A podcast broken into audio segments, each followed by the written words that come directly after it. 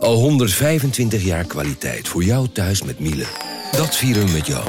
Ontvang nu tijdelijk een cashback tot 125 euro op veel Miele-apparatuur. Geniet van de kwaliteit van Miele. Voor perfect verzorgd wasgoed en kleding die veel langer mooi blijft. Voor een stralend schone vaat, even perfect als jouw diners.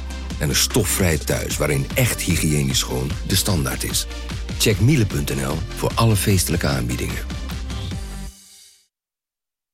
Ik ben al jaren ondernemer, maar waar moet ik eigenlijk allemaal aan denken nu ik voor het eerst personeel wil aannemen, voor het eerst ga importeren of voor het eerst een bedrijfslocatie zoek? Weet wat je wel of niet moet doen bij zaken die je voor het eerst oppakt. Check kvk.nl voor praktische stappenplannen. KVK, hou vast voor ondernemers. Vanaf de redactie van NRC het verhaal van vandaag. Mijn naam is Thomas Ruip.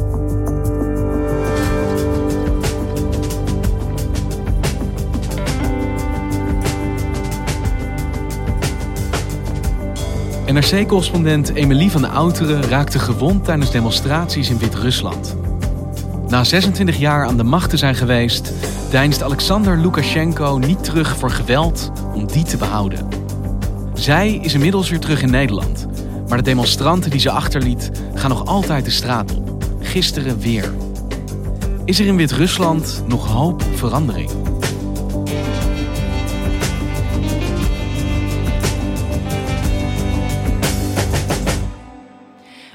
Begin augustus dat ik gebeld werd door de buitenlandredactie of ik, woonachtig in Warschau, Polen, uh, de verkiezingen in Wit-Rusland zou willen verslaan.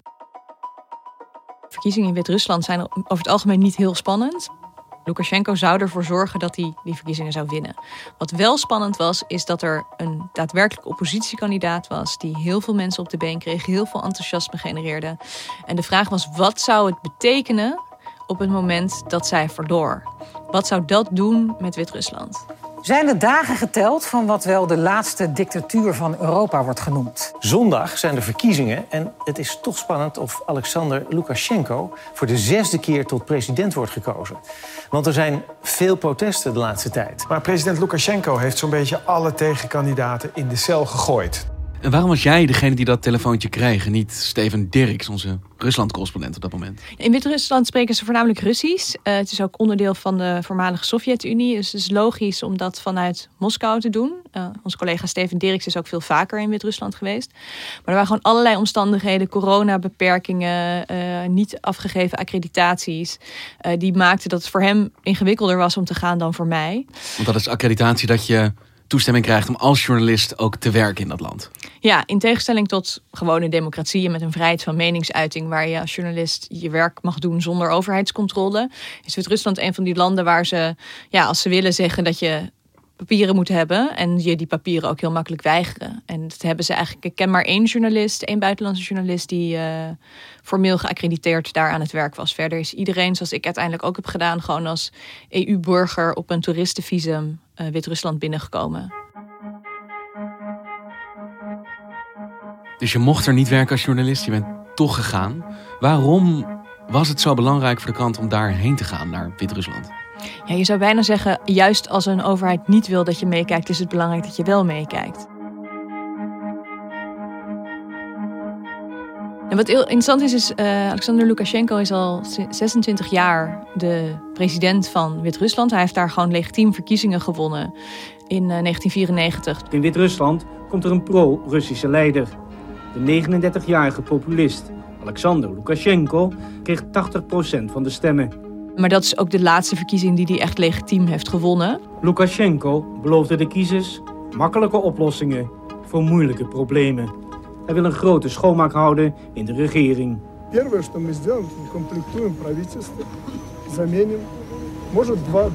Zij zijn in de jaren 90 democratisch gekozen en daarna waren alle verkiezingen eigenlijk een uitgemaakte zaak. Hij zou toch wel winnen. Ja. Waarom dacht je dan dat het nu anders zou zijn? Wat maakt de tijd nu wel rijp voor echte verandering? Uh, ik sprak een jongen, Dimitri, Dima noemde die zichzelf, een advocaat, 33 jaar, die me heel goed kon uitleggen waarom Wit-Russen op dit moment verandering willen. Dus de economische malaise waar het land in zit, uh, totale onderschatting van de coronapandemie, uh, maar ook dat mensen zoals hij, hij had in Amerika op school gezeten, sprak perfect Engels. Mensen zoals hij weten dat het niet zo hoeft te zijn als het in Wit-Rusland is niet alleen dat je niet een democratie bent, maar ook dat je overal KGB hebt. Of het nou op je universiteit is, op de werkvloer. Je wordt overal in de gaten gehouden. Hij en ook andere mensen vertelden me ook dat eigenlijk de situatie in Rusland voor de meeste mensen prettiger is, minder repressief dan in Wit-Rusland. Komende maand zijn de verkiezingen in Wit-Rusland. De oppositie heeft zijn hoop gevestigd op deze kandidaat, Svetlana Tikhanovskaya. De bevolking heeft dus niet alleen meer dan ooit een buik vol van Lukashenko, maar er was deze keer dus ook echt een alternatief. Ja, hij had te vrezen van een x aantal mensen die een poging hadden gedaan zich uh, kandidaat te stellen, maar dat heeft hij allemaal met ingewikkeld papierwerk en uh, gevangen zetten weten te voorkomen. Maar daar is één iemand uh, doorheen geglipt, uh, Svetlana Tiganovskaya. En zij is eigenlijk de vrouw van een van de oorspronkelijke echte kandidaten, een echte politicus. Maar zelf is ze huisvrouw en, en lerares Engels geweest. Presidentskandidaat Svetlana Tiganovskaya wil maar twee dingen. De vrijlating van alle politieke gevangenen, onder wie haar eigen man... en nieuwe, eerlijke verkiezingen. En zij heeft ook altijd gezegd: ik wil geen president worden. Ik wil de verkiezingen winnen. Zodat we af zijn van Lukashenko. En dan gaan we een echte verkiezing organiseren. Dan laten we alle politieke gevangenen vrij.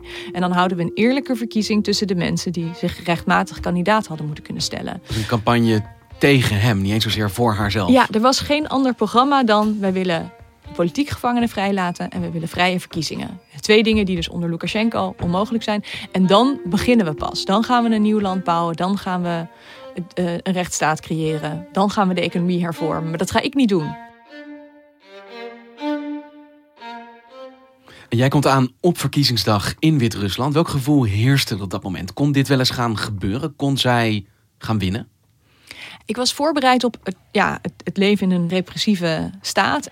Maar er hing echt een euforische sfeer in, in Minsk dan, in de hoofdstad. Gewoon echt opgetogen. Vlaggetjes, ballonnen, picknickmanden. Mensen reden langs de stembussen, toeterend. En uh, met het, uh, uit de autoradio klonk dan heel hard het lied uh, Verandering. Ik wil verandering, een oud verzetslied uit het, van het einde van de Sovjet-Unie.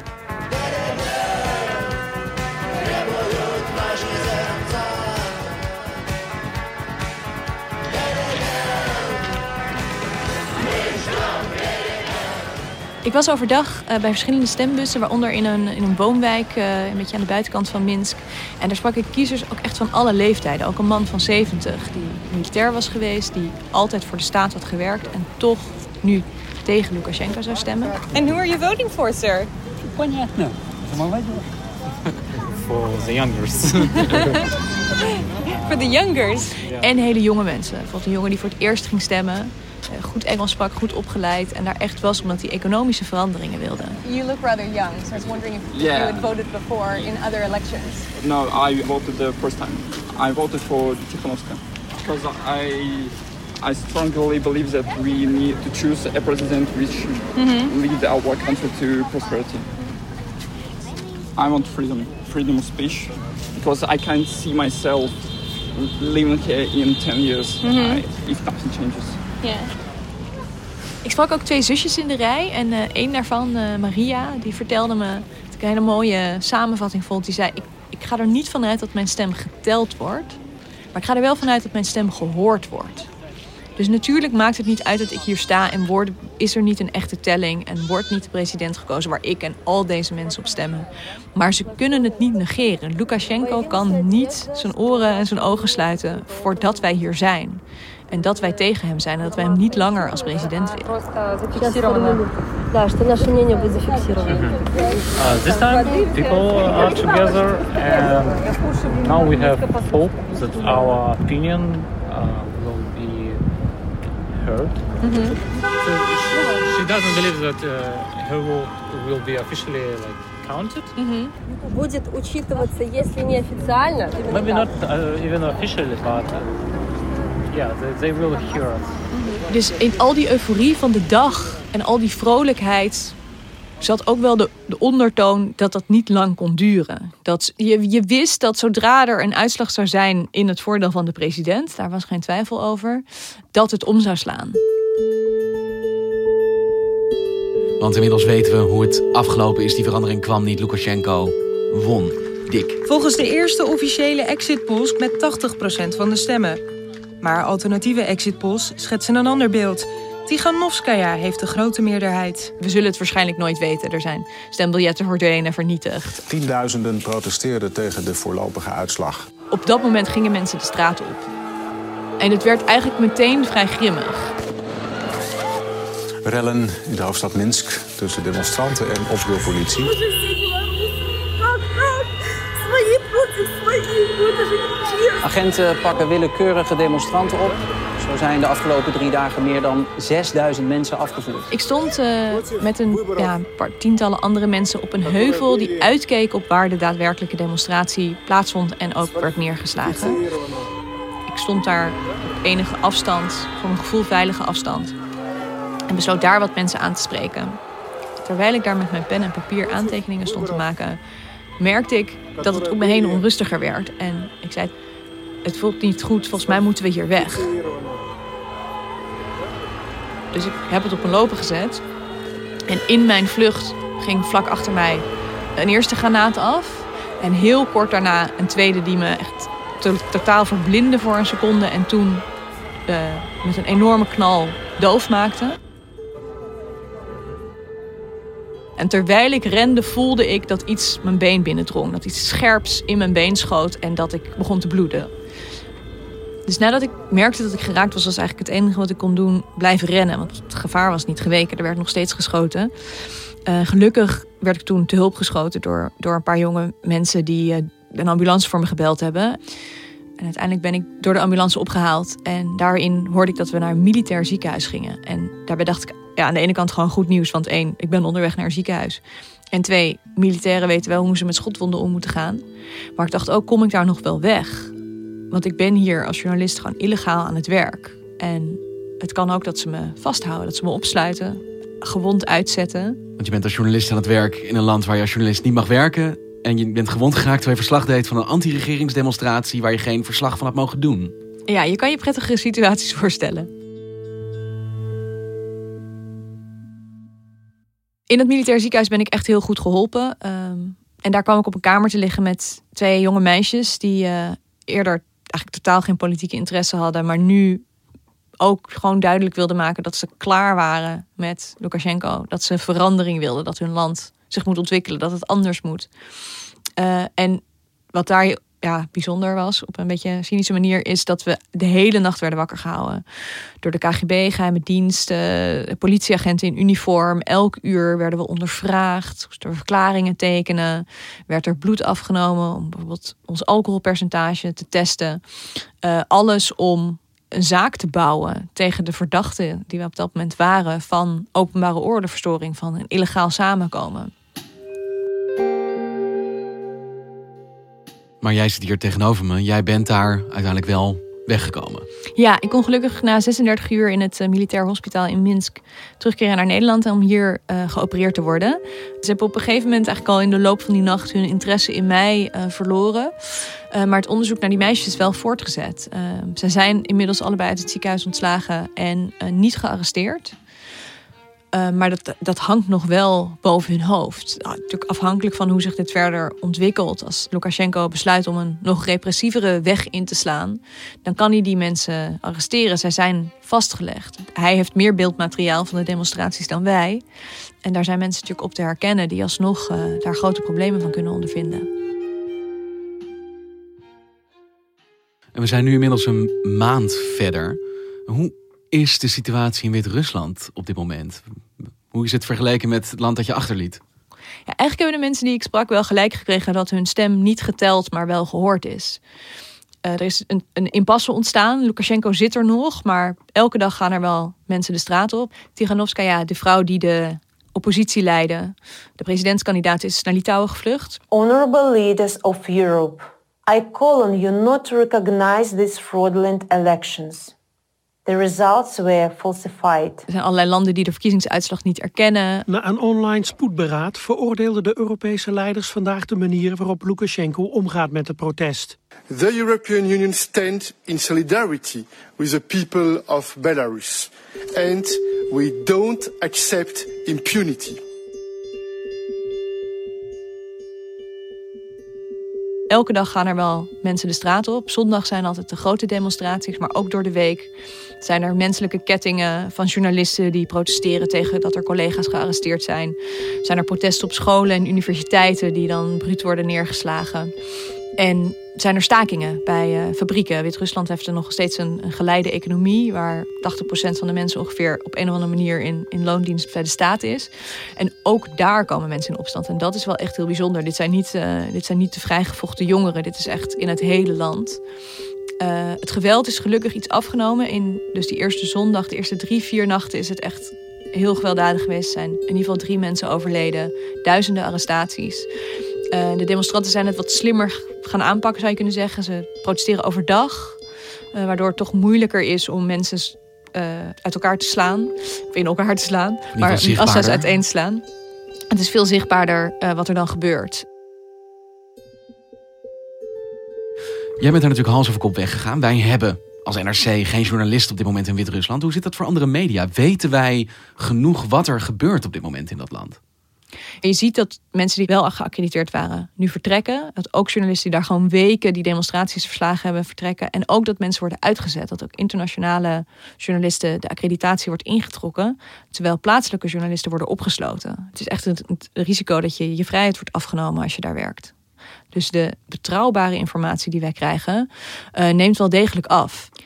Zolang er een beetje internet is, uh, komt er natuurlijk informatie naar buiten. Maar het is wel degelijk zo dat de, de, aandacht verslapt op een gegeven moment. En de informatievoorziening wordt bewust moeilijk gemaakt door Lukashenko.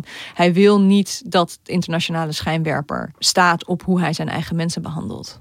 Hij hoopt dat de wereld met iets anders bezig gaat en hij daar weer orde op zaken kan stellen, ja, zijn macht kan versterken. Ik kan me slecht voorstellen dat zijn positie te handhaven is. Maar dat betekent natuurlijk niet dat hij niet vervangen kan worden door iemand uit zijn eigen kring of een uh, zetbaas uh, met goede Russische connecties. Wit-Rusland is een onafhankelijk land, maar is veel sterker nog dan, uh, dan andere voormalig communistische landen verbonden met Rusland.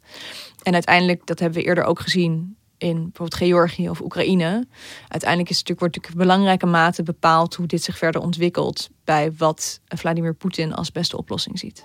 Lukashenko weet zich gesteund door het machtige Rusland, waarmee hij nu intensief en innig contact heeft. President Putin went on Russian state TV and announced that a reserve of Russian security forces had been formed and that it would be deployed if the situation, and I quote, gets out of control. And of course, there are a lot of different ways that you could define getting out of control.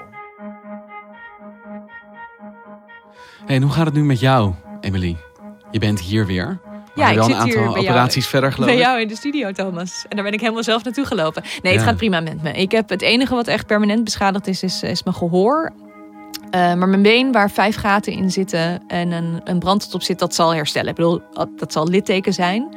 Eh, maar dat zal, ik zal ik volledig kunnen gebruiken om weer eh, te fietsen, te dansen en achter onrecht aan te rennen. En ben je erachter gekomen of jij een ongelukkige omstander was... of dat ze op jou gericht hebben met je opschrijfboekje en je pen?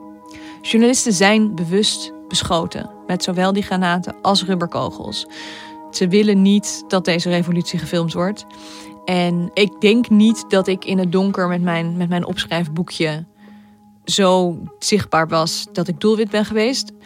Maar ik denk dat ik het nooit zal weten. Dit is niet iets wat verder wordt uitgezocht eh, door de autoriteiten daar. Het maakt voor de verwondingen niet uit. Eh, het maakt voor het verhaal wat ik heb kunnen maken niet uit. Maar het is natuurlijk zeer kwalijk dat er in algemene zin de vrijheid van meningsuiting zo wordt onderdrukt. Voor demonstranten, maar ook specifiek journalisten het doelwit zijn. Dankjewel eh, dat je hierheen kon komen, Emily. Alright, dankjewel Thomas.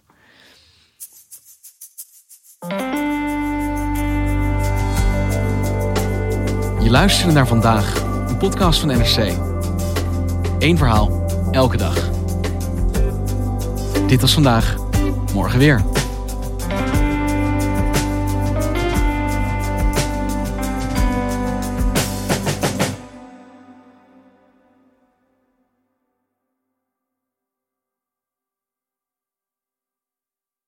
Technologie lijkt tegenwoordig het antwoord op iedere uitdaging. Bij PwC zien we dit anders. Als we de potentie van technologie willen benutten, kunnen we niet zonder een menselijk perspectief. Human-led, tech-powered noemen we dat. Ga naar pwc.nl.